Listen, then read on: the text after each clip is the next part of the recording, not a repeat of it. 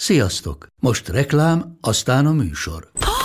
Hú, de szép szőnyeg. Új. Igen, tegnap vettem a Diégóban. Ó, és ez a függöny, de szép. Diégó! És hamarosan lesz új laminált padló a hálóban. Rátszakott a bank. Csak regisztráltam Diégó digitális klubkártyát vásárlás előtt. Csináljunk neked is egyet? Csak egy perc és kész. Regisztrálj te is áruházainkban, vagy a diego.hu oldalon, és azonnal megkapod digitális klubkártyádat, melyel akár 30% kedvezménnyel vásárolhatsz padlóburkolati és lakástextil termékeket. Diego.hu Már meg is kaptam e-mailben. Ez reklám volt, jó volt. Ez itt a Játékidő Podcast, a Régiójáték és a Mesélyanyukám közös podcast csatornája, amelyben a játékok csodálatos világát járjuk körbe adásról adásra vendégeimmel. Én Andrész Timi vagyok, az Éva Magazin.hu szerzője, a Mesélyanyukám podcast műsorvezetője, két gyermekes anyukaként a játékok amatőr szakértője. Babakonyha, babakocsi, gyöngyfűzés a lányoknak. Kisvasút, repülőgépek, szerelőasztal a fiúknak. Biztosan helyes ez az állítás? Szükséges a játékokat nemek szerint kategorizálni? Létezik egyáltalán fiús vagy lányos játék? Erről beszélgetek ma Bojti Andrea, klinikai, gyermek és ifjúságpszichológussal. Hát szia, Andi! Szia, üdvözlöm a hallgatókat! Nagyon-nagyon szépen köszönöm, hogy elfogadtad a meghívásomat. Már többször voltál vendégünk a Mesélyanyukám podcastban, így aki minket hallgat, biztosan ismeri már a nevedet, illetve a hangodat, de aki mégis most találkozik először a hangoddal vagy a neveddel, mesélsz egy kicsit magadról, hogy mivel foglalkozol, honnan ismerhetünk? Igen, igen. Szóval én Bojti Andrá vagyok, és klinikai gyermek és ifjúságpszichológusként dolgozom alapvetően a főállásom az mindig is a Heimpál kórházban volt, és a munka mellett kezdtem el egy blogot írni, aminek az a neve, hogy gyermekpszichológus blog, és ennek a célja, vagy missziója, hogyha úgy tetszik, az, hogy közel hozzam ezt a tudomány ágat az emberekhez, az anyukákhoz, hogy minél több család megismerhesse azt a komplex gondolkodásmódot, amivel mi gyermekpszichológusok gondolkozunk a gyerekekről. Ugye hát ennek része az, hogy, hogy mindig legyen szó arról, hogy hol tartanak a fejlődésben egy-egy életszakasznak, mi a sajátossága, hogyan lehet egy-egy viselkedésről vagy tünetről el eldönteni, hogy ez normál, belefére még, vagy már ezzel lehet, hogy szakemberhez kellene fordulni, illetve hát egy nagyon fontos rész, hogy nem csak a gyerekről szól a gyerekpszichológia, hanem az egész családról, tehát itt ugyanúgy mindig része az is a gondolkodásnak, hogy kicsit így magunkban nézzünk szülőként, hogy nekünk mit jelent egy-egy helyzet, milyen mintánk van, hogyan tudunk erről komplexebben gondolkodni. Igen, ezt szokták mondani, hogyha a gyerekkel valamilyen probléma van, akkor lehet, hogy először a szülőt kellene megvizsgálni. Hát meg a rendszert, így mondanám inkább, rendszer szemlélet, ugye ez a családterápiás iránynak a fő üzenete, hogy mindig, mindig a családi rendszerben gondolkodunk, és akkor persze ebbe benne van a testvérektől kezdve a a szülőkön át, egy kicsit a tágabb család is, nagyszülők, szerepek, az a társadalom, az a mikrokörnyezet, amiben él a család, az iskola, az óvoda. Tehát, hogy, hogy ez egy ilyen igazán komplex dolog. A mai témánk az, hogy létezik-e fiús vagy lányos játék, és megmondom őszintén, hogy én nem gondoltam volna, hogy erről beszélni kell, vagy hogy ez egy olyan téma így a 2020-as években, amit így érdemes megpendíteni amikor én anyuka lettem, és megszületett a kislányom öt évvel ezelőtt, akkor az első karácsonyi ajándéka egy babakonyha volt. Ezt mi készítettük a férjemmel, és hát meséltem ott az ismerős anyukáknak, és az egyik anyuka kicsit irigykedve és annál nagyobb szomorúsággal mesélte, hogy ő is nagyon-nagyon szeretett volna a kisfiának csinálni babakonyhát karácsonyra, de hogy a nagyszülők nem engedik, és a férje is így a szüleinek a gondolatait támogatja, és hát azért, amiért kisfiúk van, ezért nem illik a, a gyerekszobába egy babakonyha. A munkát során találkozol ilyen problémával, vagy nézőpontokkal, megkeresnek ilyennel a szülők? Igen, abszolút. Ugye én online elég aktív vagyok, úgyhogy mondhatom azt, hogy tényleg sokszor posztok alatt, kommentben, vagy egy-egy kérdésben ez megérkezik hozzám is, többnyire aggódás formájában. És az, hogy mondjuk a gyerek az óvodában, a kisfiú inkább a lányokkal játszik, babás dolgokkal játszik, lehet-e ez probléma, vagy engedheti-e anyuka azt, hogy szoknyát vegyen föl a kisfiú, mert ő azt szeretne fölvenni. Többnyire egyébként így a kisfiúk kapcsán szokott ez fölmerülni, de persze a kislányoknál is, tehát hogy ott is mondjuk, amikor azt veszik észre, hogy inkább fiúsabb, vadabb, hogyan lehetne megszelidíteni a kislányt, tehát hogy ott talán inkább a viselkedés az, ami így felszokott jönni ilyen kommentekben, és hát emögött azért bújtatottan, de ott van az a fajta hát gyakorlatilag félelem, hogy most akkor a nemi identitása a gyereknek hogyan alakul, meg hogy ez van-e hatással arra, hogy, hogy akkor ő később melyik nemhez fog vonzódni. Nyilván én értem ezt valahol, hogy a szülők, aki ugye mondjuk nem rendelkezik ismeretekkel erről, van egy általános tudása, hogy mondjuk egy kisfiú vagy egy kislány hogyan viselkedik, vagy mivel játszik, ott azért ez fölmerülhet, pláne akkor, hogyha a család, főleg az idősebbek is még ezt súlykolják, tehát hogyha mondjuk a nagyszülők részéről fogalmazódik ez meg kritikaként, és, és mondjuk merül föl az aggodalom, vagy mondjuk az apuka az, aki szorongattól, hogy a fia miért játszik rózsaszín barbikkal, tehát hogy ez, ez azért így föl szokott merülni. Hát ilyenkor ugye mindig erről is szól így a munkám az edukációról, hogy azért akkor, akkor ezt így mindig elmondom, hogy szó nincs erről, tehát nem, nem kell erre gondolni, hogy azért, mert egy gyerek az óvodában az ellenkező neműre jellemző játékokkal játszik inkább, akkor ez előrevetíti az ő jövőbeli nemi identitását. Hogyha ilyen kutatós fejjel gondolkodunk, ezt egy kicsit elmagyarázom így részletesebben, hogy hogy kell egy pszichológiai kutatást értékelni, akkor olyat lehet találni, hogy már felnőtt embert, akinél kialakult mondjuk a, a nemi identitás, és mondjuk egy meleg populációt, hogyha megvizsgálnak, akkor visszamenőlegesen lehet esetleg látni ilyen tendenciát, hogy már óvodában is őt jobban érdekelte a, a mondjuk fiúknál a, a, ugye a lányos ö, dolgok, vagy inkább ilyen lányos játékokkal játszott, mm. mondjuk, vagy jobban megtalálta velük a hangot, de ez ugye egy visszamenőleges kutatási vizsgálat, tehát hogy nem igaz fordítva, hogy minden olyan kisfiú, aki lányos dolgokkal játszik, az majd biztos, hogy meleg lesz, hanem ezeket ugye így visszafele lehet inkább következtetve megnézni. De ugye, hogyha ugye gondolkodunk tovább ilyen kutatós ö, fejjel, akkor, akkor nyilván ott van, hogy, hogy a nagy többsége nem lesz tehát nem lehet erre következtetni egy óvodáskori játékból, hogy majd milyen lesz a gyermeknek az identitása. Igen, én is ezt tapasztalom, hogy ez a legnagyobb félelem, hogy a saját nemükhöz fognak vonzódni azért, mert az ellenkező nemnek a játékaival játszanak gyerekként. Ugye magzati korban kialakul az, hogy milyen neműek vagyunk, de mikor ébredünk fel arra gyerekként, mikor jövünk rá, hogy, hogy mi fiúk vagyunk, vagy lányok vagyunk. Ez egy folyamat, tehát a fejlődésnek egy folyamata, ami alakul, és hát én azt mondanám, hogy körülbelül egyébként már, amikor megjelenik a beszéd a gyerekeknél, tehát ilyen totyogó korban, uh-huh.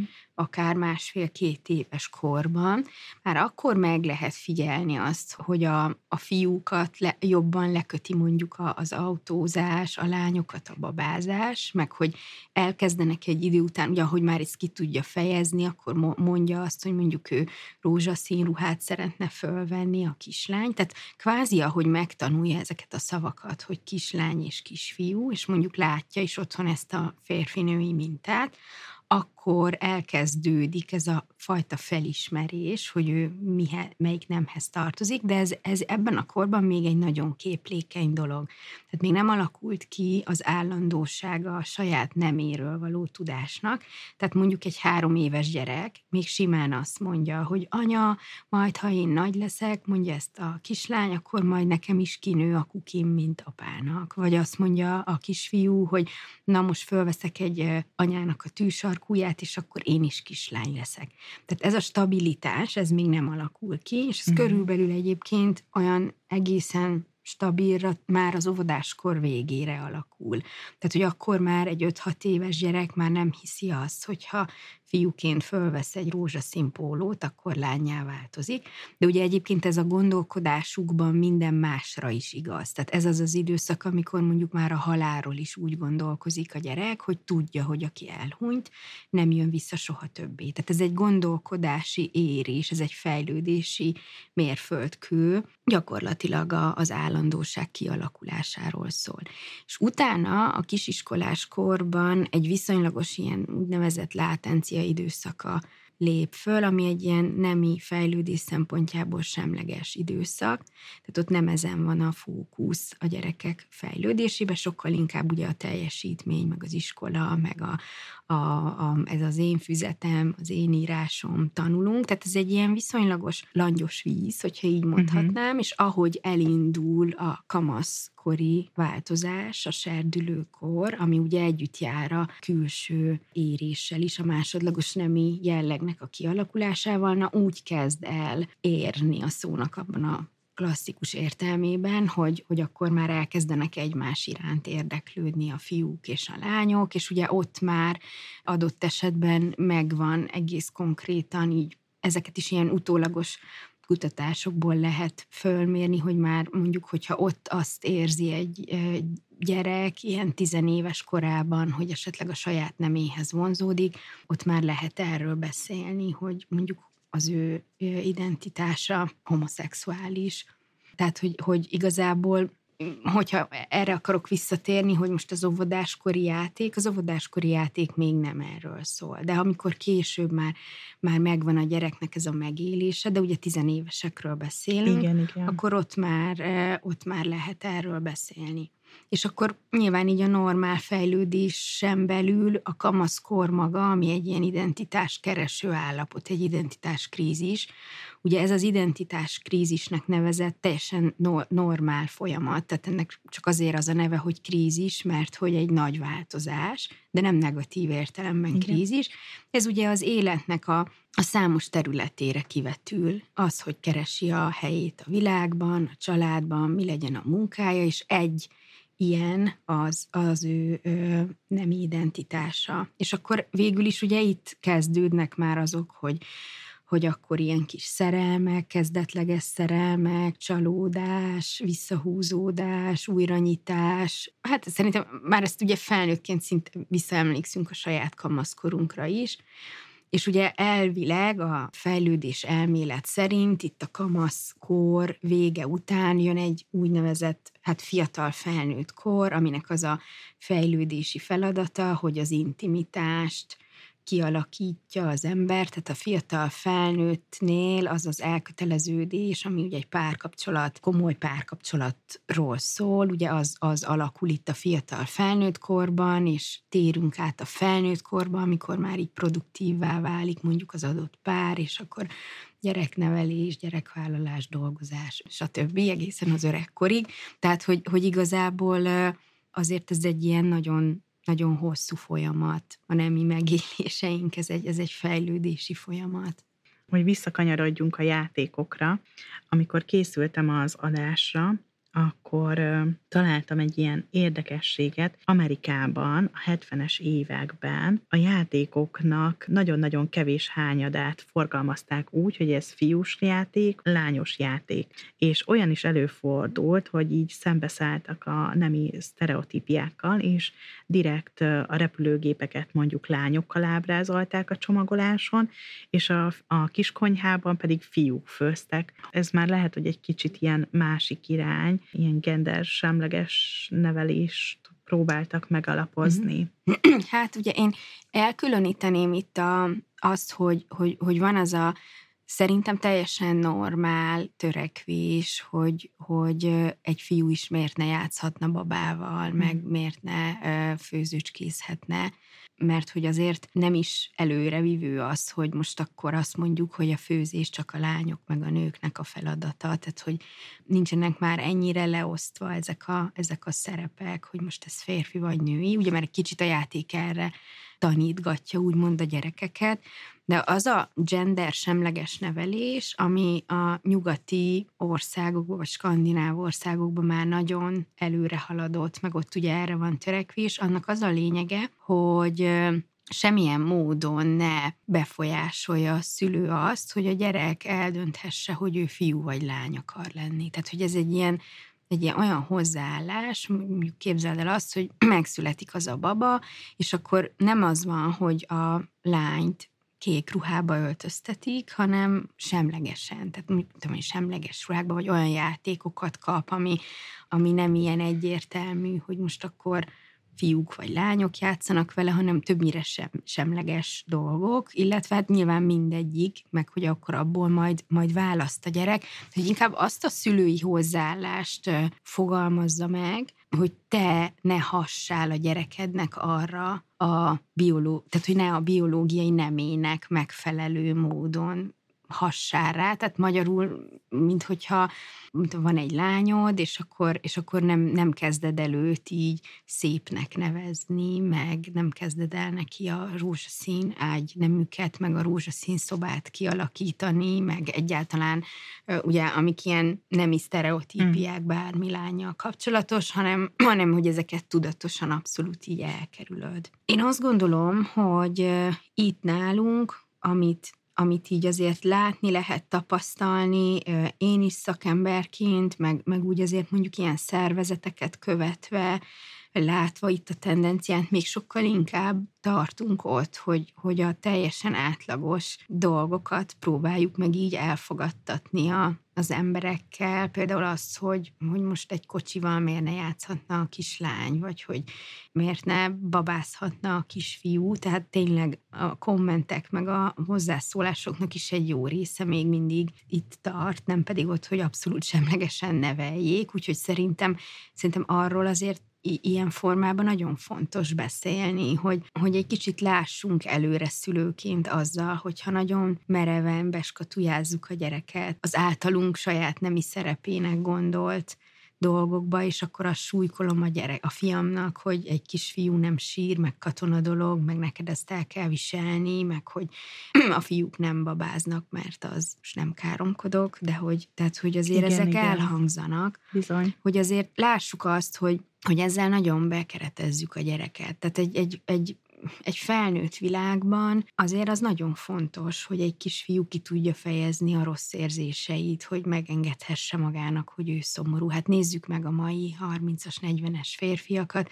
Nem Hány, kell messzire menni. Nem kell viszont. messzire menni, hát hányszor van az, hogy, bocsánat, ezért a példája direkt szoktam ezt mondani, kicsit szélsőséges, de hogy egy férfi a saját szülőinek a temetésén se tud sírni, mert azt érzi, hogy az, hogy az gyengeség. Tehát, hogy, hogy ez nem, nem, nem a gyengeség jele, hogy, hogy rossz érzéseink vannak, meg szomorúak vagyunk, meg sírunk.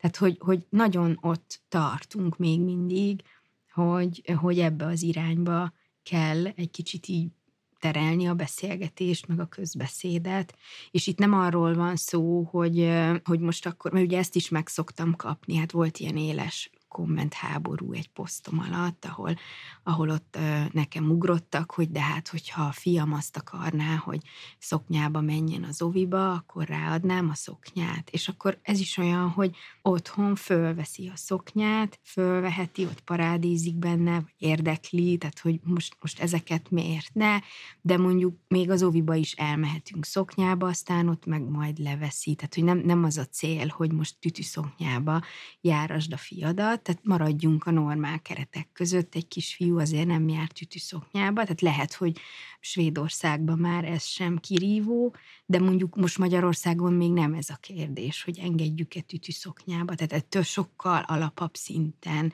kell gondolkodnunk arról, hogy mennyire különböztetjük itt meg ezeket a férfinői szerepeket. Arról nem is beszélve, hogy mondjuk egy felnőtt életben, a mai, az iparosodás utáni, rendszerváltás utáni időszakban azért mondjuk a, a szülők nem élnek már együtt a nagycsaláddal, egy anya meg egy apa egyedül neveli a gyerekeket, hogyha most mind elképzeljük azt, hogy van két-három gyereke egy családnak, és mind a két szülő dolgozik, mert ugye az anyukák is dolgoznak, akkor azért az egy természetes dolog kellene, hogy legyen, hogy mondjuk a házi munkát megosztjuk, és akkor ne arról legyen már húsz év múlva is a vita, hogy egy férfinak derogál mondjuk a mosogató szivacsot a kezébe venni. Igen, én is pont ezt akartam mondani, amikor itt felhoztad ezt a példát, hogy azért a legtöbb ilyen mestersév férfi, és hogy mennyire furcsa, hogy félünk odaengedni a fiú gyermekeinket a baba konyhához, de az, amikor pedig a nem tudom, ilyen csillagos éttermekben ott főzik a finomabbnál finomabb falatokat, akkor nagyon büszkék vagyunk rájuk. Amikor apukák lesznek, akkor milyen jó, hogy ők is besegítenek a gondozásba, a nevelésbe, és akkor miért szeretnénk eltiltani gyerekként a babakocsizástól, meg a babajátékoktól? Abszolút, abszolút. Tehát, hogy mi, mi, mi a célunk a neveléssel? Ez egy nagy kérdés, ezt fel lehet tenni magunknak. Tehát, hogy, hogy azért, azért az viszont már, már jó lenne, ha év, folyamatosan generációról generáció egyre természetesebb dolog lenne, hogy a mostani életvitelünknek, ennek a életformának köszönhetően az úgy tud jól működni egy család, hogyha ezek megoszlanak. Hát én, aki terápiában is dolgozom, felnőttekkel is, tehát párokkal is, azért, azért én abszolút látom azt a tendenciát, hogy mennyire kimerítő az, amikor mondjuk minden így, ami a háztartás és gyerek témakör, az a nőnek a, a, a reszortja, úgymond, és, és hogy mondjuk ezek hosszú távon azért milyen nagy egyenlőtlenséget tudnak egy párkapcsolatban kialakítani. És hát itt a játék az egy, az egy eszköz, úgymond, de ugye van mögötte egy, egy szülői, nevelői attitűd, hogy én hogy állok a gyerekemhez. Tehát, hogy ha egy anyuka arra neveli a gyerekét, hogy ez fiús, ez lányos, e, mármint ilyen, ilyen nemi szerepekre, ilyen Igen. nagyon e, lebontva, akkor, akkor tulajdonképpen az életben is erre neveli, hogy ez fiús, ez lányos, és, és azért láthatjuk azt, hogy tényleg alapvetően, hogyha egy nőnek mondjuk dolgoznia kell, mert úgy él a család, akkor ez egy ilyen szimpla, ez nem fiús-lányos kérdés, hanem szimpla a családmenedzsment, hogy most akkor ki, ki mit tud otthon, meg mire van ideje, meg hogy csinálja. Jó, ezt olyan jó, hogy kimondtad ezt a családmenedzsmentet. Szóval nem arról van szó, hogy azt azért a fiunknak mindenképpen Barbie babát kell venni az ünnepnapra, vagy, vagy a lányunknak direkt fiús játékot kell választania, de hogyha ő ebbe az irányba szeretne nyitni, akkor azzal, hogy engedünk az ő kívánságának, ezzel nem csinálunk rosszat. Abszolút, tehát nyitottabb gondolkodású családokban ez, ez egy ilyen természetes dolog, hogy mondjuk egy olyan család, ahol van két-három fiú, és mondjuk csak fiúk vannak, azért csak bekerül egy-egy baba, meg, meg bekerül a kiskonyha, vagy bekerülnek ilyen lányosnak mondott, vagy lányosnak kikiáltott játékok. Egyszerűen lehet, hogy nem fogja érdekelni a fiúkat, de maga a lehetőség azért ott meg lehet, hogy akkor, ha szeretne, akkor ezzel is játszhat.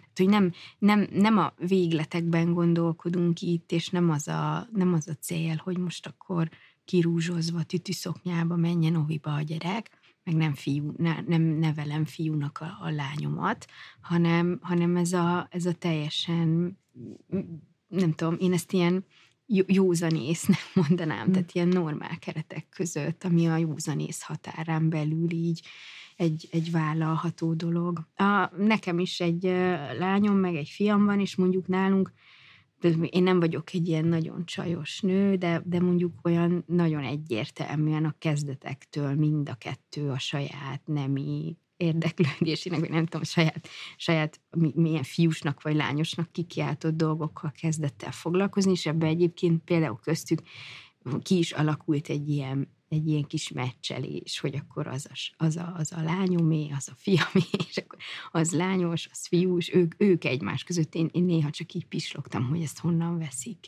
de valahogy úgy, úgy nagyon-nagyon az a kezdetektől ott volt bennük.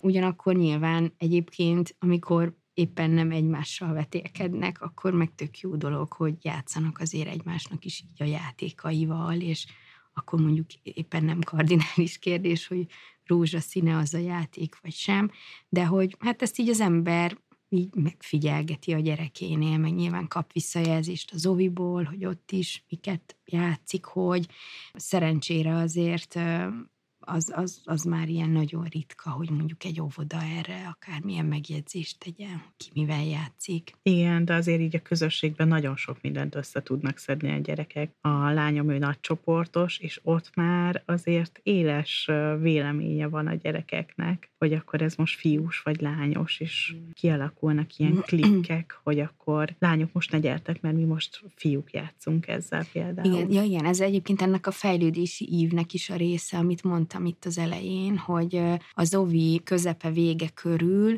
elkezdenek klikkesedni és elkülönülni a fiúk, lányok, és abban a kisiskolás látencia időszakban ez nagyon megvan, hogy még véletlenül se játszunk a fiúkkal, meg a lányok a, az a nagyon lányok ciki. csak a lányokkal, az ciki, és ugye amikor elindul a kamaszkor, és elkezdenek érdeklődni egymás iránt, akkor kezdenek újra vegyülni. Tehát, hogyha a kamasz csoportokat megnézed, akkor azok többnyire már vegyesek, vagy legalábbis ö, megfigyelhetőek vegyesek, hogy fiúk, lányok együtt bandáznak. Nálunk is így volt általános iskolában, emlékszem, van egy ilyen nagyon éles negyedik osztályos emlékképem, nagyon nagy hó esett télen, és kimentünk az udvarra, és ilyen várfalakat építettünk, kettőt, egyik mögött a fiúk, másik mögött a lányok voltak, és megalakítottuk a fiúniót és a lányuniót, és hát nagyon-nagyon nagy ilyen hócsata volt egymás között, ilyen véres, véres csata volt, nem csak ilyen játék, és aztán valahogy így hetedik osztály végére, nyolcadik közepére így elkezdtünk egymás felé közeledni, és aztán a ballagáson meg nagyon sírtunk, és annyira sajnáltuk, hogy ennek most van vége, mert akkor meg annyira nagyon jó osztályközösség lett, meg hát szerelmek is nyilván, hogy, hogy olyan rossz volt, hogy akkor lett vége, amikor a legjobb. Igen, igen, igen, tehát hogy ezt a, ez, ez egy ilyen természetes íve végül is a fejlődésnek, amikor már egymás felé ugye elkezdenek érdeklődni a fiúk és a lányok, meg akkor, akkor úgy nyilván ez a közös érdeklődési kör, ugyanazt a zenekart szeretjük, bulizunk, stb. Szóval ez, ez akkor már így nem, nem szokott annyira élesen elkülönülni így az érdeklődési kör mentén, de hát nyilván a, a másodlagos nem jelleg kialakulása, úgy lányoknál a nagyobb mell, szélesebb csípő, fiúknál is a szőrösödés, ugye, tehát a, ami a külső jegyei, igen, a férfinői külső jegyek, az viszont meg már nyilván így, így már biológiailag különíti el úgymond a, a két nemet, tehát hogy persze akkor már most egy lány másként még, még jobban differenciálható a kinézete a fiúkétól, tehát hogy azért van is egy, egy elkülönülés, meg nincs is, ezt így mondanám. Szintén egy példát szeretnék felhozni a felkészülésemből. 2015-ben Angliában elindult egy mozgalom, ami a Let Toys, Be Toys, azaz a legyenek a játékok csupán játékok nevet kapta, és az volt a törekvés célja, hogy a kiskereskedőket, illetve az ilyen játékok, könyvek forgalmazóit megállítsák abban, hogy így kategorizálják a játékokat, és ennek a mozgalomnak a kapcsán rengeteg pszichológus és szociológus ehhez kapcsolódott, ehhez a mozgalomhoz, és ezt ilyen nagy, nagyon kitörő örömmel fogadták, mert hogy azt mondták, hogy, hogy ez mennyire jó törekvés, hogy hogyha nagyon kategorizálunk, nagyon, nagyon eltiltjuk a különböző nemű játékoktól a gyerekeinket, akkor azzal mennyit veszítenek, hogy csak a saját nemű játékokkal engedünk játszani. Érdekes azt megnézni, hogy különböző országokban hogy állnak ehhez a kérdéshez. Én nagyon szeretek így kitekinteni. Igen, hát én azt gondolom egyébként, hogy ez, ez, ez nyilván összefügg azzal is, hogy gazdaságilag hol tart az az ország, meg a társadalmi berendezke, társadalmi politikai berendezkedése, tehát hogyha keletre indulsz el, akkor ennek az ellentétét látod. Ez is számít, hogy egy jóléti társadalomban, ahol mondjuk már ez erre nyitottabb a gondolkodás, a közgondolkodás, tehát hogy én, én, én a, inkább egy ilyen törekvést tartok fontosnak itthon is, hogy, hogy egy kicsit így a közgondolkodás ban beszélgetni erről tényleg minél szélesebb fórumon, meg minél többféle akár ilyen szakmát bevonva ebbe a kérdésbe, és hogy, és hogy nyilván egy, egy játék, mondjuk akár az, hogy egy, egy kiskereskedő hogyan pakolja ki a játékokat, ugye itt is most, hogyha gondolsz ilyen fogyasztói marketing dolgokra, hogy bemegy a rokon, és akkor egy kislánynak akar venni valamit, és mondjuk szanaszét van minden pakolva, mert vegyesen, még, még el tudom ezt képzelni, hogy még fel is áborodnak, hogy de hát miért nincs egyértelműen egy helyen a lányos, meg a fiús. Szóval ez bonyolult azért, mert nyilván nyilván lassan alakulnak ezek a folyamatok, ami így a közgondolkodásnak a kicsit változtatására irányulna. De ugyanakkor én, én egyetértek abszolút azzal, hogy, hogy, hogy az a jó, hogyha ilyen nyitottan állunk hozzá, és, lehet, és, és itt a lehetőség megteremtése a fontos. Tehát, hogy akár nagyobb gyerekeknél is az, hogy, hogyha ha, ha mondjuk egy szabadidős tevékenység eltöltéséről is szó van, hogy, hogy hát miért ne lehetne a kislánynak is gokártozni, meg hasonló példák.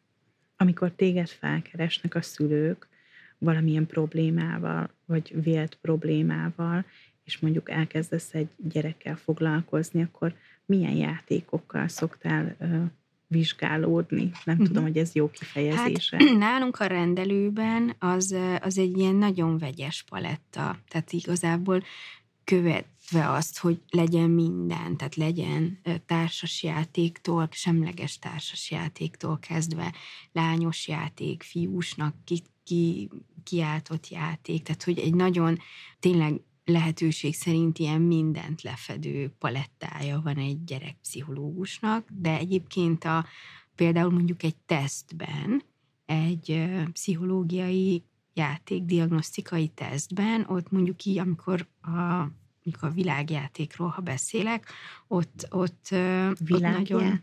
Igen, ez egy diagnosztikai teszt, uh-huh. ez egy ilyen több száz darabos fa játékok, ilyen kis játékok, és egy nagy tálcába kell belőle meghatározott instrukció szerint építeni. Például abban alapvetően nagyon semleges formák vannak. Tehát a, a báb is olyan, hogy mondjuk egy emberfigura, ahol semmi nincs rajta azon az emberen, tehát egy, egy, egy, egy teljesen semleges fa, faragás, és mondjuk van egy jelzésértékű szoknyája, vagy jelzésértékű valami kalap, vagy nem tudom, milyen uh-huh. fiús valami, de, de nagyon fontos az, hogy ilyen, hogy, hogy meglegyen a semleges verziók is, és akkor nyilván itt persze ez egy diagnosztikai kérdés, és most nem a nemi identitás igen, kérdése igen, miatt, de hogy, de hogy azért úgy minél semlegesebb egy játék, annál inkább tudja a gyerek a fantáziáját használni. Tehát, hogy itt, itt alapvetően a gender semlegesség is ebből indul ki, hogy, hogyha ilyen nagyon semleges a, a környezet, akkor egyrészt ugye tudja a gyerek jobban használni a fantáziáját, de mondjuk más ez egy ilyen terápiás térben,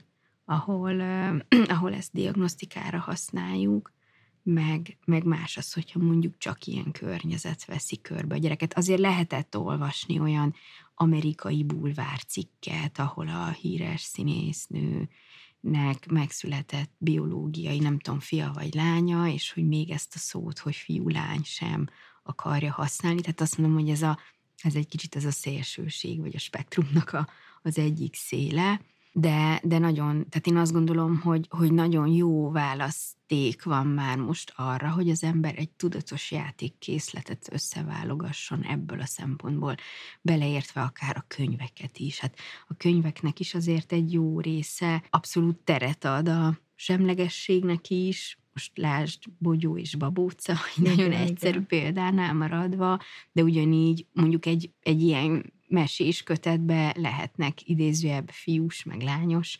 mesék, inkább attól függően, hogy most fiú vagy lány szereplő van benne, de azt olyan jó így látni, meg megfigyelni, hogy tényleg mi az, ami ott, és akkor a gyereket mozgatja, és ő, ő, ő mondjuk azt érdekli, hogy azzal a szereplővel azonosul.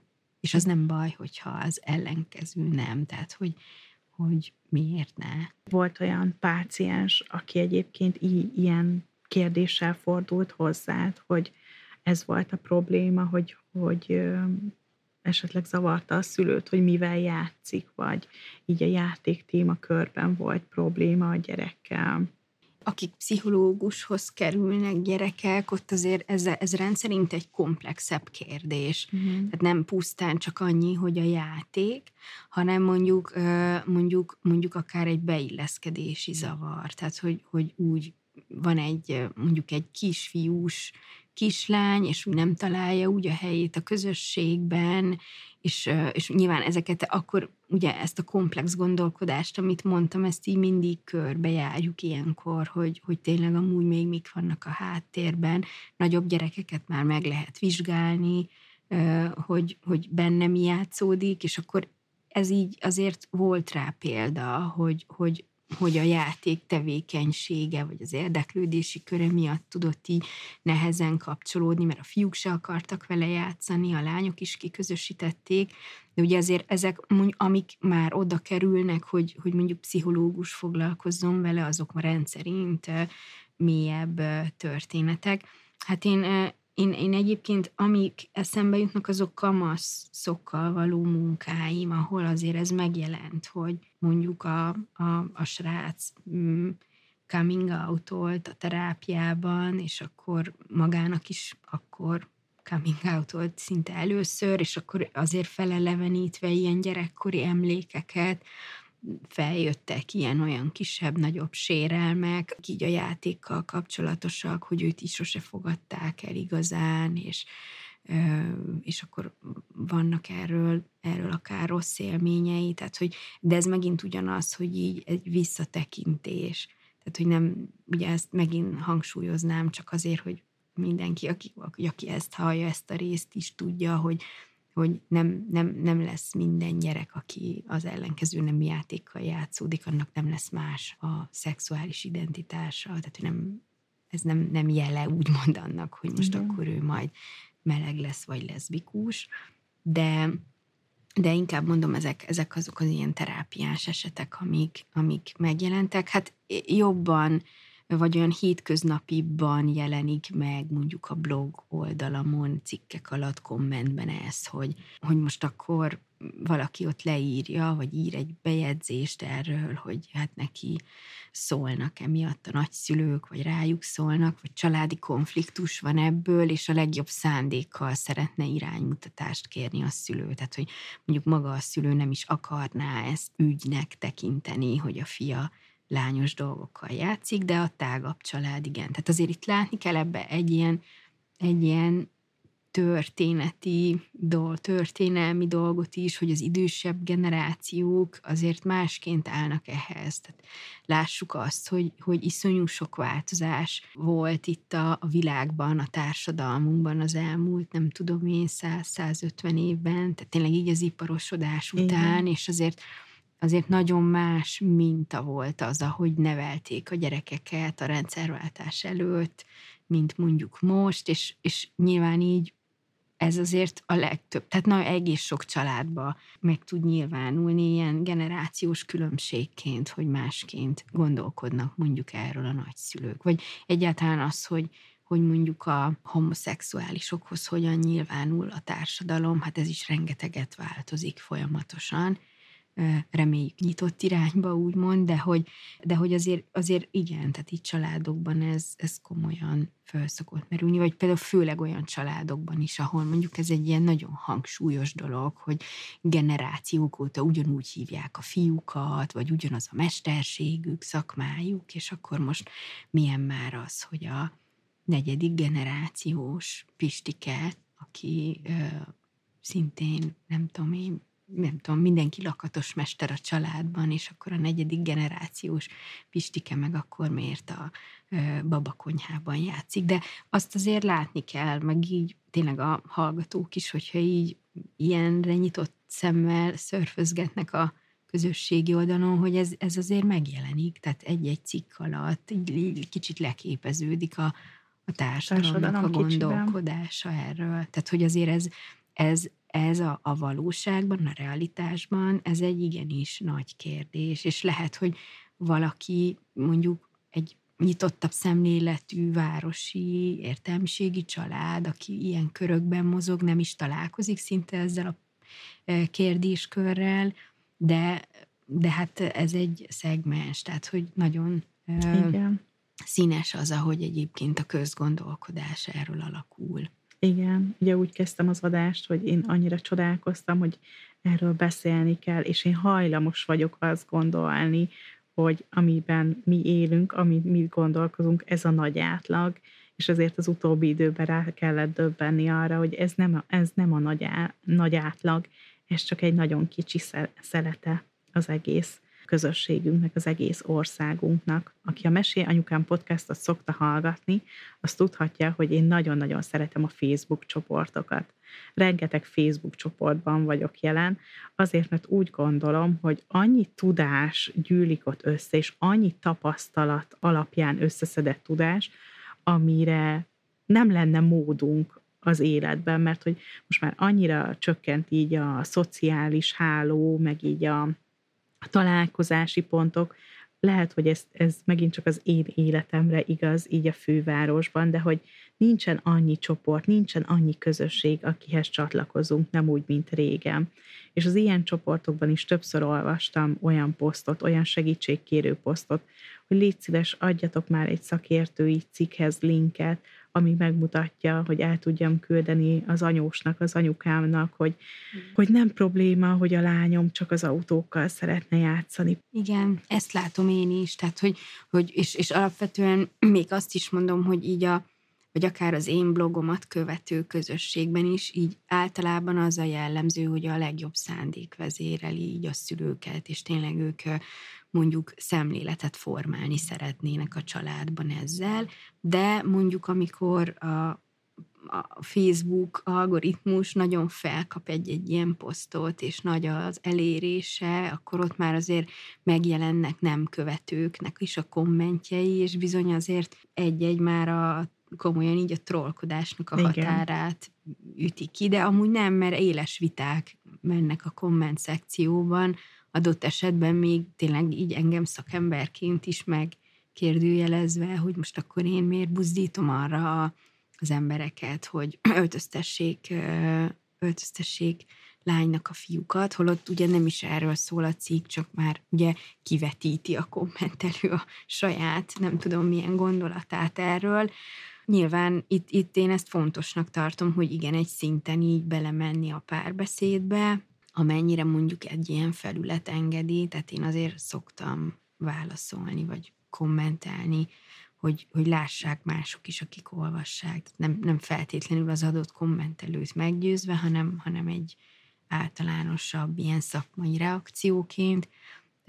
Szerintem, szerintem jó az, hogyha erről így, így van diskurzus, meg egyrészt aki egyrészt megerősíti a családokat abban, hogyha így gondolkodnak, vagy adott esetben egy kicsit elgondolkodtatnak. És én mondom, én, én, én ennek ezt a hosszú távú perspektíváját látom nagyon fontos dolognak, hogy, hogy itt nem csupán ovis játékokról van szó, hanem ennek a hosszú távú üzenetéről, hogy vajon tényleg az-e a nevelés célja, hogy ennyire élesen elválasszuk a férfi és a női szerepeket. És nyilván ez megint mindig ilyen mikrokörnyezetnek a kérdése, hogy egy adott család hogy él, meg, meg mondjuk lehet, hogy, hogy ha, ha ők úgy élnek egy olyan hagyományos környezetben, hogy együtt a generációk, meg mondjuk a, a, az, ez a klasszikusabb felosztásban, hogy mondjuk egy nő nem is dolgozik a családban, csak házta, hogy háztartásbeliként van otthon, ez teljesen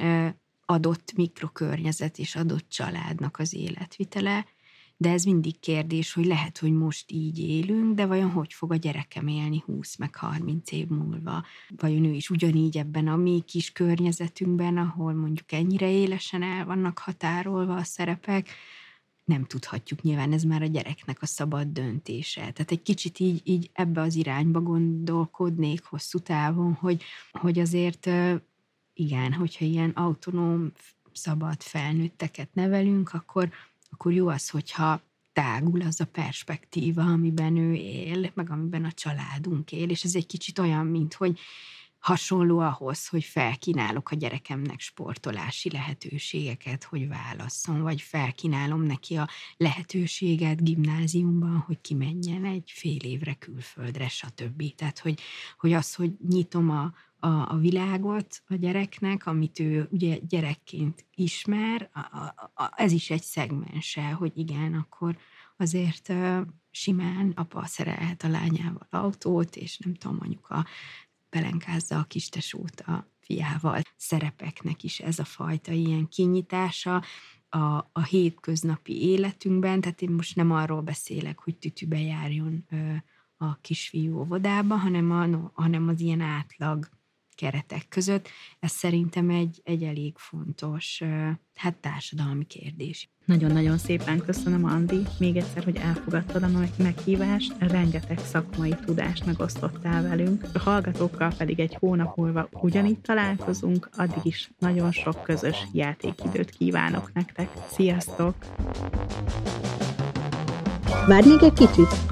Ha tetszett ez az epizód, ne felejtsd el értékelni, lájkolni, csillagozni, ha pedig úgy gondolod, hogy másoknak is hasznos, értékes, szórakoztató lehet ez a csatorna, oszd meg a közösségi oldalaidon, hogy könnyedén ránk találjanak. Ha pedig hozzászólnál a témához, megteheted az infókokat évamagazin.hu e-mail címen, vagy csatlakozz a Mesélyanyukám zárt Facebook csoporthoz, ahol folytathatjuk a beszélgetést, véleményt, információt cserélhetünk.